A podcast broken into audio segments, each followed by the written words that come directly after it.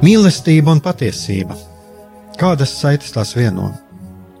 Mēs esam cieši saistīti pirmkārt ar sevi, ar savu būtību, un arī ar pārējo pasauli, ar līdzcilvēkiem, ar sabiedrību. Kur ir mūsu vieta šajā pasaulē? Kā mums katram atrast savu patieso aicinājumu un vietu? Kā sasniegt savas dzīves piepildījumu, mīlestību?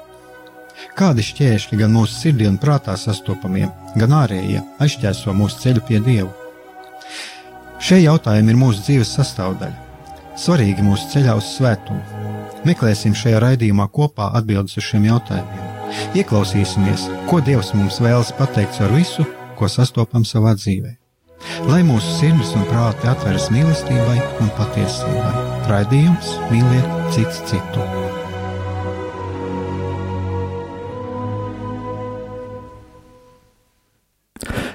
Esiet sveicināti, darbie radioklausītāji, lai top slavēts Jēzus Kristus. Studijā esmu es, Aigars Brīkmanis, un šis ir redzējums mīliet cits citu. Un šodien es eh, vēlētos eh, pie šodienas notikuma, kas notika, patiesībā, kas ir notika ar mani. Es vēlētos tā piebilst, laikam dievam ir kāds plāns, kāds plāns arī manā šajā radiokalpojumā, jo cilvēks e, viesis, kur, kuram šodien vajadzēja būt, kurai vajadzēja būt, tīri savas veselības apstākļu dēļ, vai, teiksim, ģimenes apstākļu, e, ģimenes apstākļu dēļ, protams, arī droši vien savas veselības apstākļu dēļ, nevarēja ierasties un Un es domāju, vai likt varbūt kādu citu rādījumu, kas ir izskanējis, vai varbūt tomēr man pašam ierasties. Un uh, gala rezultātā es uh, nolēmu ierasties pats, jo tagad ir šis brīdis, kad nu pat, nu pat tuvojas 18. novembris, kad mūsu valsts svinēs savu jubileju, un kaut kā man radās šī doma, viņa mazliet man pat tā nobrieda jau iepriekš, un, un man pat mazliet bija tā kā žēl, ka tieši uz šo datumu man nu, nav iznācis kaut ko pateikt, lai gan ar viesi kopā droši vien mēs arī pateiktu kaut kādu novēlējumu, un, un varbūt arī šī iespēja būs. Bet nu, kaut kā tā ir sanācis, ka, ka man, man iznāk tagad būt šeit, sēdēt pašam, vienam runāt par to Un es eh, vēlētos jums, eh, dārgie radioklausītāji, šoreiz nosaukt numurus uzreiz, eh, uz kuriem jūs variet zvanīt vai sūtīt izziņas, jo, mm, nu, manuprāt, protams, tā ir jūsu izvēle, bet es tiešām vēlētos šo komunikāciju un kas jums ir Latvija, kas jums katram ir Latvijas valsts, un kā, kā jūs eh, izdzīvojat šo, šo valsts jubileju. Un tāpēc jūs tātad variet zvanīt uz numuru 6, 7, 9, 6, 9, 1, 3, 1 vai sūtīt izziņu uz numuru 266, 772, 72, vai arī uh, rakstīt uz, uz e-pastu studijā at rml.lv. Es domāju, ka jūs jau, kas jau esat pieraduši sazināties, jums ir zināmi šie numuri. Un tā tad, kas, kas kas jums ir Latvijas valsts un kas mums katram atsevišķi ir Latvijas valsts. Es daudz esmu domājis par šiem cilvēkiem, kas, kas pieņēma šo lēmumu, kas pieņēma šo lēmumu pasludināt Latvijas valsti pirms simts gadiem, un, un arī par tiem, kas cīnījās, kas deva dzīvības. Kas ir tas, kas, kas ir tas, kas cilvēku pamudina šo darīt. Jo katrā ziņā tās nebija kaut kādas personīgas vēlmes, kaut kāda personīgā vēlme kaut kādu, veidot kaut kādu politisku karjeru. Protams, šie cilvēki, kas pasludināja valstī, ir jau aizgājuši mūžībā, Bet, ja mēs paskatāmies viņu biogrāfijās, viņi ir, ir bijuši tie, kas ir gājuši cauri gan 5. gada revolūcijas laiku, ir bijuši no cara režīma vajāti, bēguļojuši, daži dzīvojuši trimdā, un tas tie apstākļi, kas toreiz izveidojās Latvijā, Un vispār, kas izveidojās Eiropā, kas izveidojās jau gadu iepriekš, bija izveidojušies Krievijā, kas bija izveidojušies mm, Vācijā, tikko šī revolūcija, un, eh, un tie, kas bija konkrēti Latvijā, viņi savā ziņā nebija, mm, nebija tādi daudzsološi, manuprāt, ja tā paskatās no tāda kāda cilvēka perspektīvas, kas dzīvo Latvijā. Jo būtībā jau īsti nebija skaidrības, kam kurai varai piebiedroties, kurā, kurā vietā, kur, kur atrast savu vietu, bet uh, kaut kāda šī gudrība, kas bija šīm cil, šiem cilvēkiem, un arī drosme, bija tā, kas ļāva, kas ļāva pasludināt Latvijas valsti. Vēl man ienāk prātā tā pārdomājot eh, šo, šobrīd, šo jubileju, arī domas gan par tiem karavīriem, kas cīnījās, kas cīnījās brīvības cīņās un kas cīnījās arī, arī otrā pasaules kara laiks, mm, pēc kara partizāni, eh, visi šie cilvēki, kuri pretojās pretojās okupācijas režīmiem. Mums ir tagad uh, ļoti daudz, mēs redzam apkārt, dzirdam par Žani Lipki. Un, uh, bet es domāju, ka mums uh, ir vēl cilvēki, vēl un vēl, kuri izrādīja tiešām ļoti lielu drosmi, un, un piemēram, ir arī tādi, kur ir bijuši, piemēram, arī mani laika biedri, jo man bija 1983. gadā, kad man bija 18 gadu, kad Gunārs Astra tiesas procesā, kad viņa tiesāja, pateica, es ticu, ka šis laiks izgaisīs kā ļauns murgs. Un es esmu tā domājis, kurš no mums, kas mēs dzīvojām, protams, es toreiz biju ļoti jauns, bet arī tie cilvēki, kas bija vecākas paudzes, un varbūt arī kuri zināja par to, kas bija Latvijas brīvvalsts līdz otrajam pasaules karam. Es domāju, mēs varam katrs arī pārdomāt, kurš no mums spētu kaut ko tādu pateikt.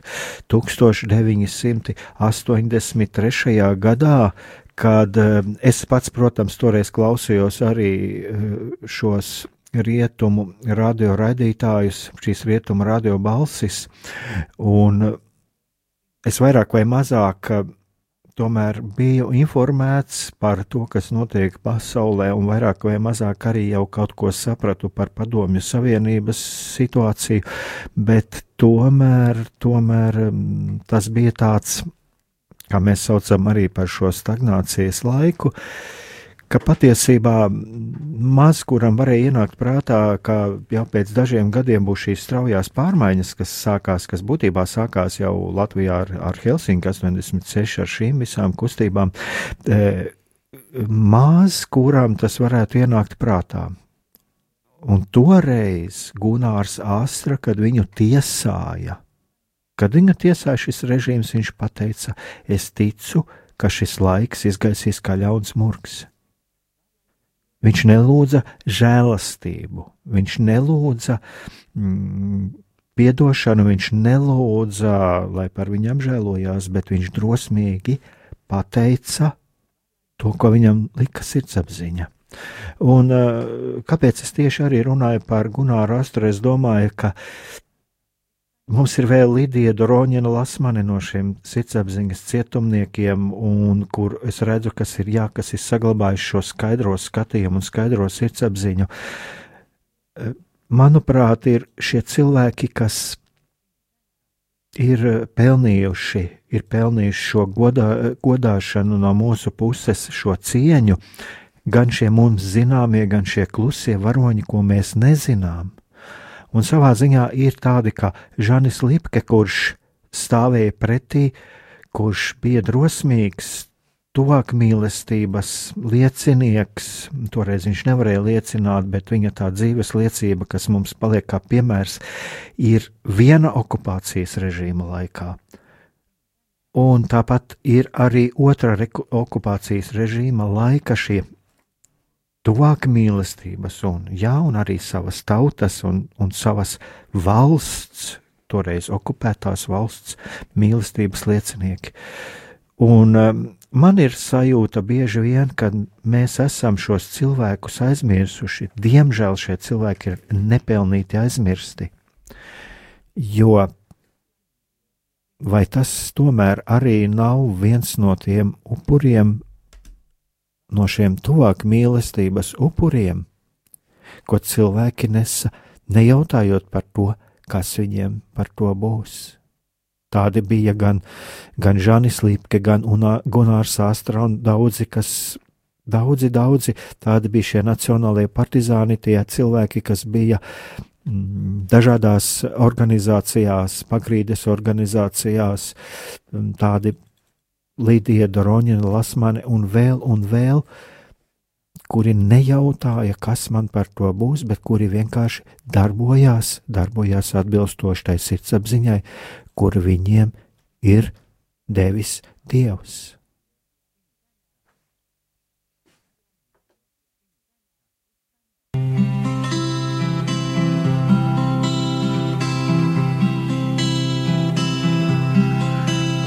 Kungs, kas zāles čukstus dzirdī, kas pats milgai neliec ciest, vārdi ir, kas Latviju sirdī deg un kvēl un nenodziest. Vārdi ir, kas mūsu dzīslās līdz ar pirmo dienu skan, jo tu līdzi šajā zemē maniem brāļiem dzimt un man.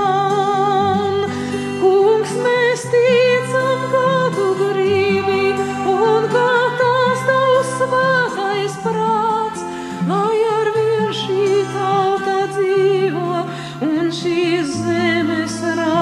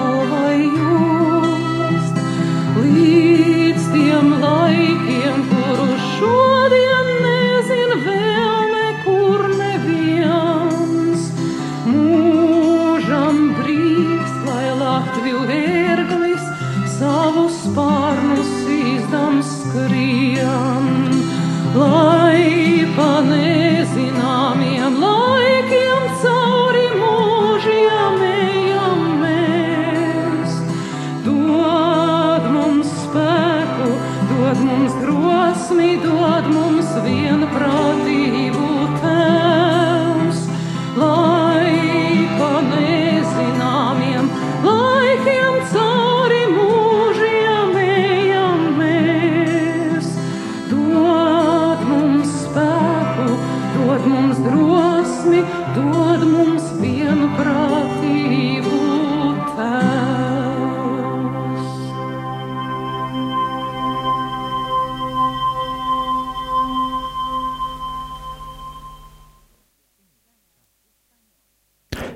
Dārgie radioklausītāji, šis ir redzējums mīlēt cits citu. Un studijā esmu Egārs Brikmanis, un te pirms jau muzikālās pauzes es arī mm, dalījos savās pārdomās par, par šiem cilvēkiem, kuri dažādos veidos ir cīnījušies par mūsu zemi, kuri nejautāja, kas viņiem par to būs, un viņiem šis jautājums nebija svarīgs. Viņiem pats svarīgākais bija cilvēciskā cieņa, savas tautas brīvība. Un uh, manāk prātā tieši arī šis, šī cilvēciskā cieņa kaut kā arī gan klausoties šo dziesmu, gan arī domājot par šo pagātni. Un kas tad ir šī cilvēciskā cieņa? Par kuru, kura man ienāca prātā. Un es domāju, ka tā viena no būtiskākajām lietām e, tas ir tas, ka es, es savu cieņu saglabāju, saglabādams savu identitāti, e, savu identitāti, piederību savai tautai. Un nekur tik labi es to tomēr nevaru saglabāt, kā savā zemē. Protams, ir cilvēki, kas izauguši trimdas apstākļos, kas e, dzīvojuši svešās zemēs un kuriem ir nācies, nācies bēgt no Latvijas, bēgt no jaunām deportācijām, glābt savas dzīvības. Un e, pateicība Dievam, ka viņi ir saglabājuši savu identitāti, savu piederību, piederību savai tautai un iznesuši šajos eh, trimdas apstākļos šo savu identitāti. Bet eh, kāpēc, kāpēc mums ir vajadzīga sava zeme. Un kas tad bija tas, kas eh, pirms simts gadiem lika sanākt kopā šiem Latvijas politiskajiem līderiem un izlemt par Latvijas valsts dibināšanu. Un es domāju, ka šeit mēs varam apskatīties, tagad jau atgriezties arī pie tā, ko, ko runā baznīca. Un pirmais, kas nāk prātā, tas nāk prātā ceturtais bauslis. Tev būs godāt savu tēvu un savu māti, lai tu ilgi dzīvotu zemē, kuru tev dos kungs, tavs dievs. Tas ir zīmīgi, ka ir runāts par tēvu un māti, lai tu dzīvotu zemē, kuru tev dos kungs tavs dievs. Tātad šo zemi ir devis dievs. Un e, šo, piemien, šo lietu piemin arī svētais, svētais Jānis Pāvils II, tātad pāvests Jānis Pāvils II, kur viņš runā arī par šo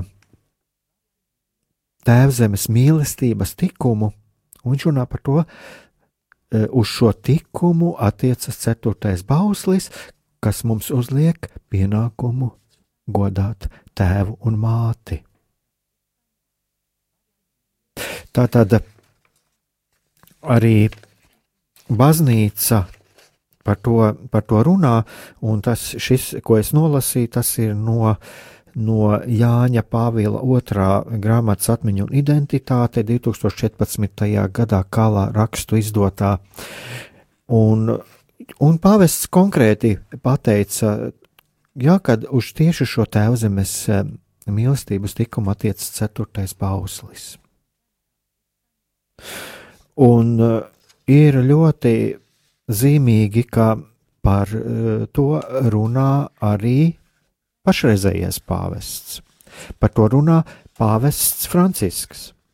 Un uh, tad, kad viņš bija vizītē Baltijas valstīs, tad, uh, tad viņš uzsvēra, tātad pāvests Francisks arī uzsvēra tieši to, cik ļoti svarīgi ir tas, ka mums ir šī, šīs valstis, un eh, cik ļoti svarīgi ir saglabāt savas saknes. Un eh, kā pāvests teica arī par to, ka tie pāvesta vārdi - mana vizīte sakrīt ar jūsu nāciju neatkarības simtgadi, un bez šaubām vēlos pagodināt visus tos, kuru pagātnes upuri darījuši pašreizējās brīvības par iespējamām. Brīvība, kā zinām, ir dārga manta, kura ir nemitīgi jāglabā un kā neizmērojams mantojums jānodod tālāk jaunajām paudzēm. Tumsības, vardarbības un vajāšanu laikos brīvības liesma nenodziest, bet iekvēlina. Un eh, es domāju, ka šeit, eh, jā, es te varu turpināt. Tātad pāvests, ko saka, ko saka, ko teica pāvests Francisks, tātad tumsības, vardarbības un vajāšanu laikos brīvības liesma nenodziest, bet iekvēlina cerību nākotnē, kurā tiks respektēta katram cilvēkam dotā cieņa, un kurā visi jutīsimies aicināti līdzdarboties taisnīgas un brālīgas sabiedrības veidošanā.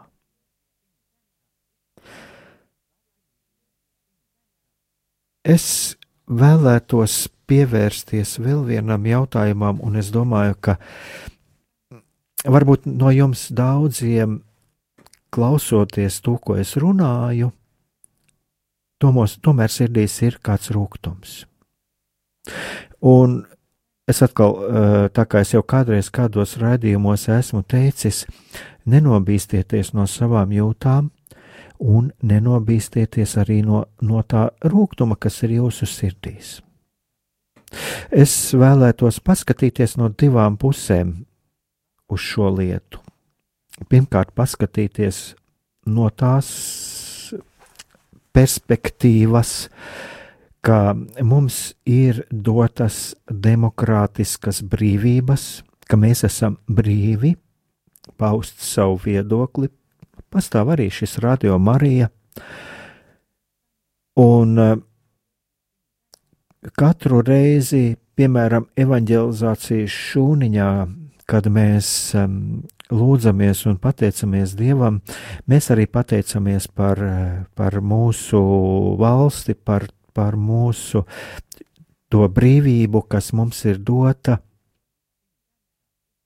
lūgties, slavēt Dievu, izteikt savu viedokli, un mēs par to, ne, par to netiek apdraudēta mūsu dzīvība, mūsu, mūsu drošība. Lūk, tā ir tā dāvana, kuru mums ir jāizmanto. Bet tā pašā laikā Es vēlētos atgādināt arī to, ka kristietim nekādā ziņā nav jābūt eh, kā kādam mazohistam, kurš, kurš neredz arī šīs negācijas un kurš tikai visu, visu laiku plaukšķina rokas un, un saka pateicība Dievam. Jā, mums ir jāpateicās Dievam, un tā arī ir viena no tādām lietām, ko es domāju, ka mums ļoti, ļoti maz mēs pateicamies. Mums pateikties Dievam ir vajadzīgs un, un vajadzīgs katru dienu pateikties. Un šeit gan ir arī neatkarīgi no tiem apstākļiem, kuros mēs atrodamies, jo Dievs mūs mīl vienalga, kur mēs atrastos. Bet tā pašā laikā mums tomēr ir arī svarīgi redzēt tās lietas, kas mūsu sabiedrībā nav gluži tā, kā vajadzētu. Un starp citu, eh, tos ir eh, redzēt lietas, ir arī nav pretrunā ar to, ko māca katoļu baznīca un, un ka, ko, ko māca katoļu baznīcas katehisms. Un, uh, piemēram, mēs varam izlasīt katehismā, ka pilsoņa sirdsapziņa prasa civilās varas rīkojumiem nepakļauties tādi, ja tie ir pretrunā ar morāles normām, cilvēka pavat pamatiesībām un evaņģēlēju mācību.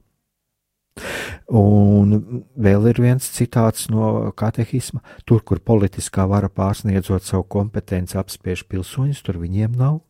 Tur viņiem nav jāatsakās izpildīt to, ko objektīvi prasa sabiedriskais labums, taču viņiem ir atļauts aizstāvēt savas un līdzpilsoņu tiesības, kad vara tās nonievā, taču nepārsniedzot dabiskā un evaņģēliskā likuma nospraustās robežas. Darbie radioklausītāji, man uzreiz nāk prātā arī evaņģēlīja lasījums, um, kur kā Jēzus, kur Jēzus runā par šiem, uh, par šiem uh, farizējiem, kuri aprīj atraitņu mantu, un uh, es domāju, ka šeit, ja mēs esam aicināti, mēs esam aicināti um, sekot Jēzum, mēs esam aicināti būt šīs evaņģēlīja vēstnesēji un tieši sekojot, sekojot Jēzus piemēram, es domāju, ka mums uh,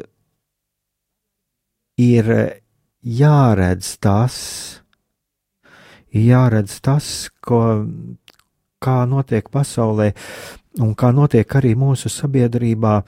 Un, ja mēs redzam šo netaisnību, mums viņa ir jāredz. Mums viņa ir jāredz, jo pretējā gadījumā mēs arī ar savu pasivitāti varam vainot šo ļaunumu. Un nepavēlti mēs, ja mēs paskatāmies arī, ko māca baznīcas sociālā mācība, un mēs to redzam evaņģēlijā, un kā jebkurš baznīcas teksts arī balstās uz, uz svētajiem rakstiem, tad mēs redzam šo atgādinājumu, ka cilvēki, kas ir pie varas, viņi ir arī atbildīgi par to, lai būtu šis, šis sociālais taisnīgums. Un tas nav nekāds kā kādreiz arī tiek pārmet, pārmeta pavestam Franciskam, tas nav nekāds sociālisms laicīgajā izpratnē. Bet ne visi cilvēki, ne visiem cilvēkiem attiecīgajā brīdī ir iespējas baudīt, saņemt to, kas viņiem pienākas, vienkārši tāpēc, ka kāds cits izmanto savu, savu politisko varu, izmanto savas iespējas, Viņš izmanto negodīgos negodīgos nolūkos. Negodīgos nolūkos arī tas politiķis, kurš priekšvēlēšana laikā ir solījis, bet pēc vēlēšanām nepilda šos savus solījumus.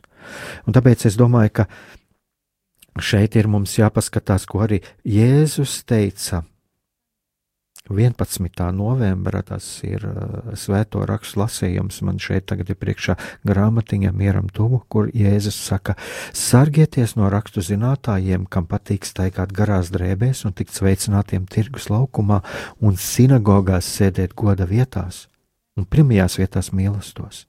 Viņi aprī atraitņu mājas un ārišķības dēļ skaita garas lūkšanas.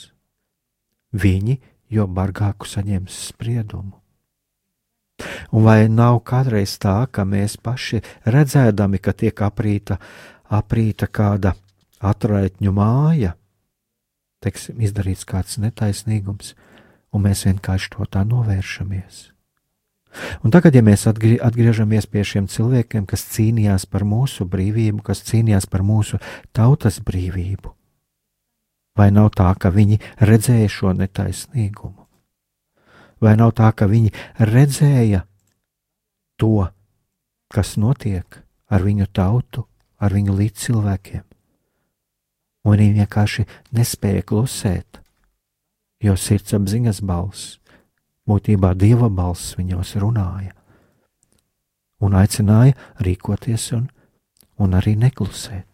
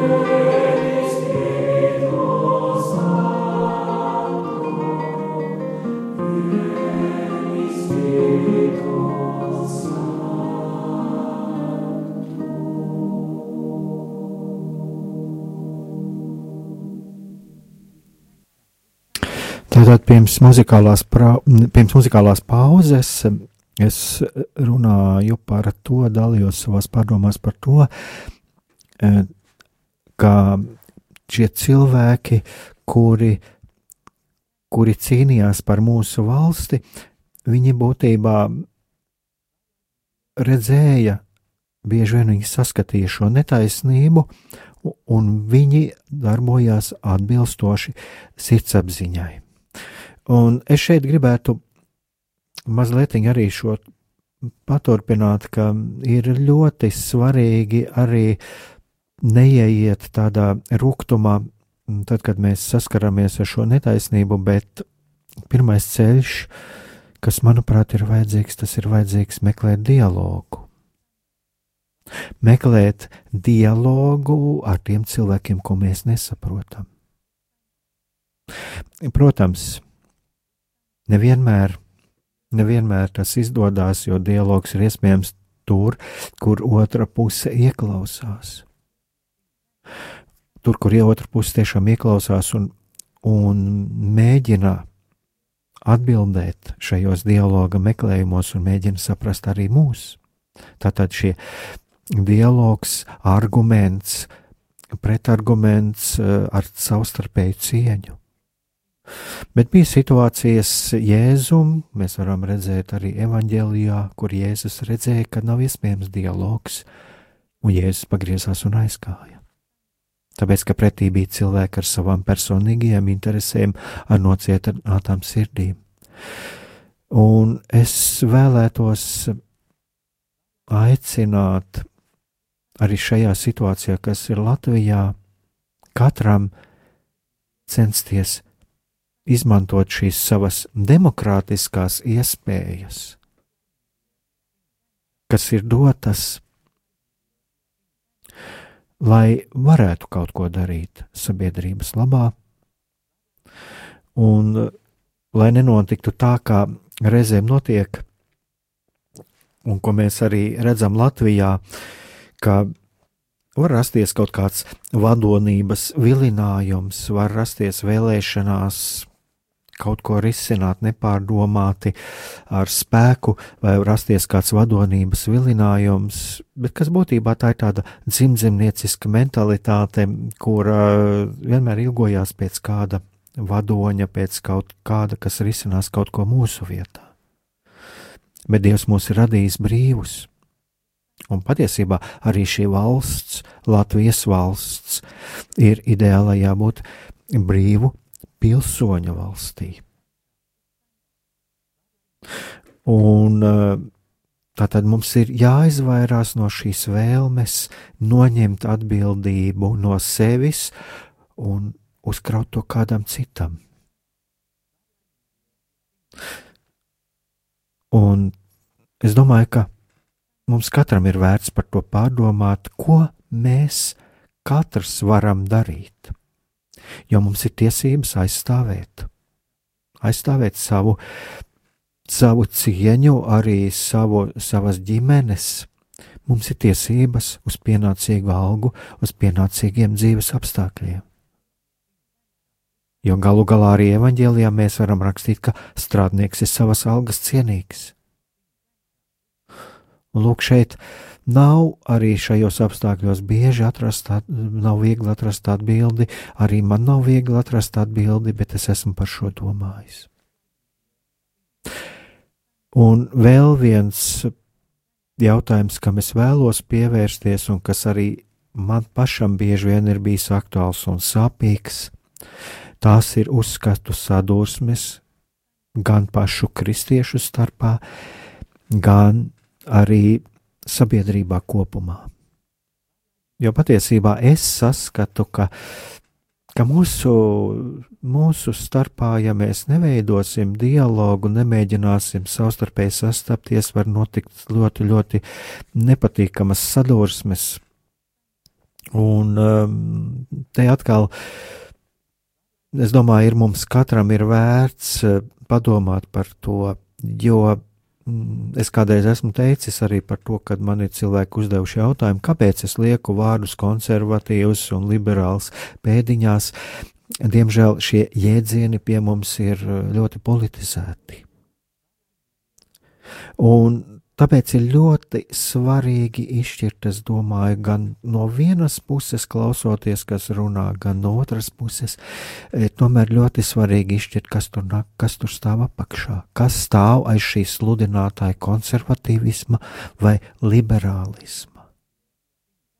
Un cik bieži vien mums nākas piedzīvot to, ka tur patiesībā stāv apakšā kaut kādas politiskas idejas, kaut kādi šauri politiski mērķi, kas nebūtu neveicina sabiedrības labklājību. Un to mēs redzam no abām pusēm. Tāpat uh, tur var stāvēt aizspriedumi, bailes no nezināmā, nevēlēšanās ieklausīties otrā.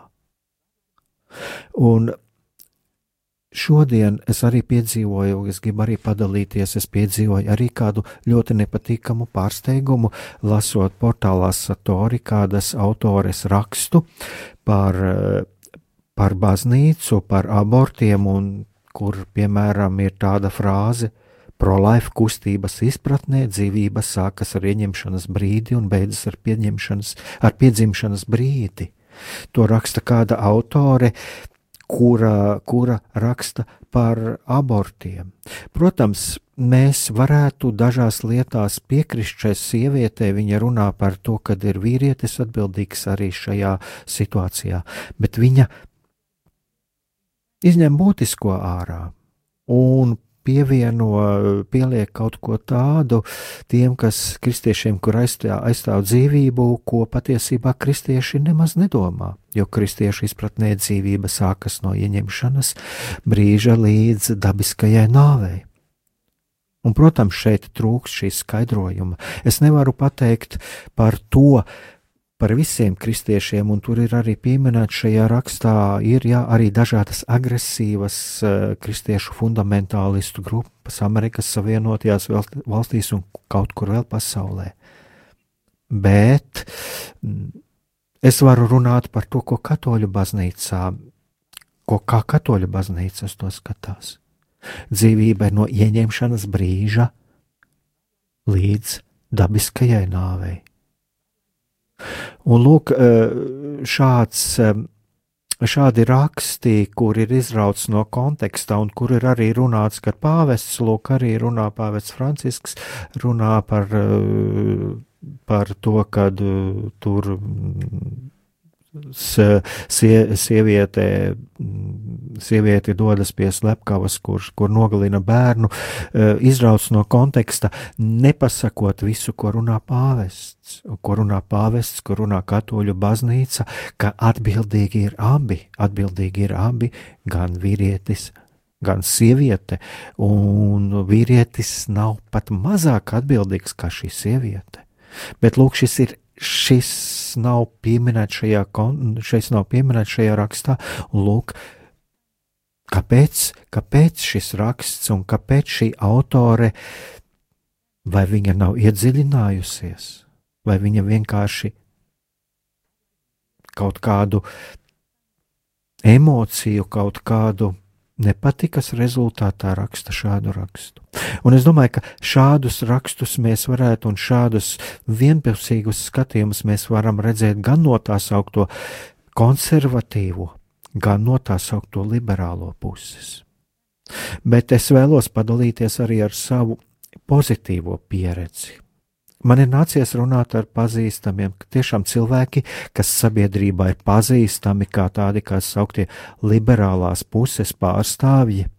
Un eh, man ir nācies personīgi ar viņiem runāt, nesaukšu vārdos, bet uh, bieži vien viņi ļoti smagu kritiku saņēmuši no, katu, no, no kristiešu puses, nevis no katoļa, bet vispār no kristiešu puses, ap, ap kuriem ir arī katoļi. Bet tad, kad es esmu viņiem stāstījis par attieksmi pret dzīvību, par attieksmi pret laulību, viņi ir ļoti labvēlīgi atsaukušies par to.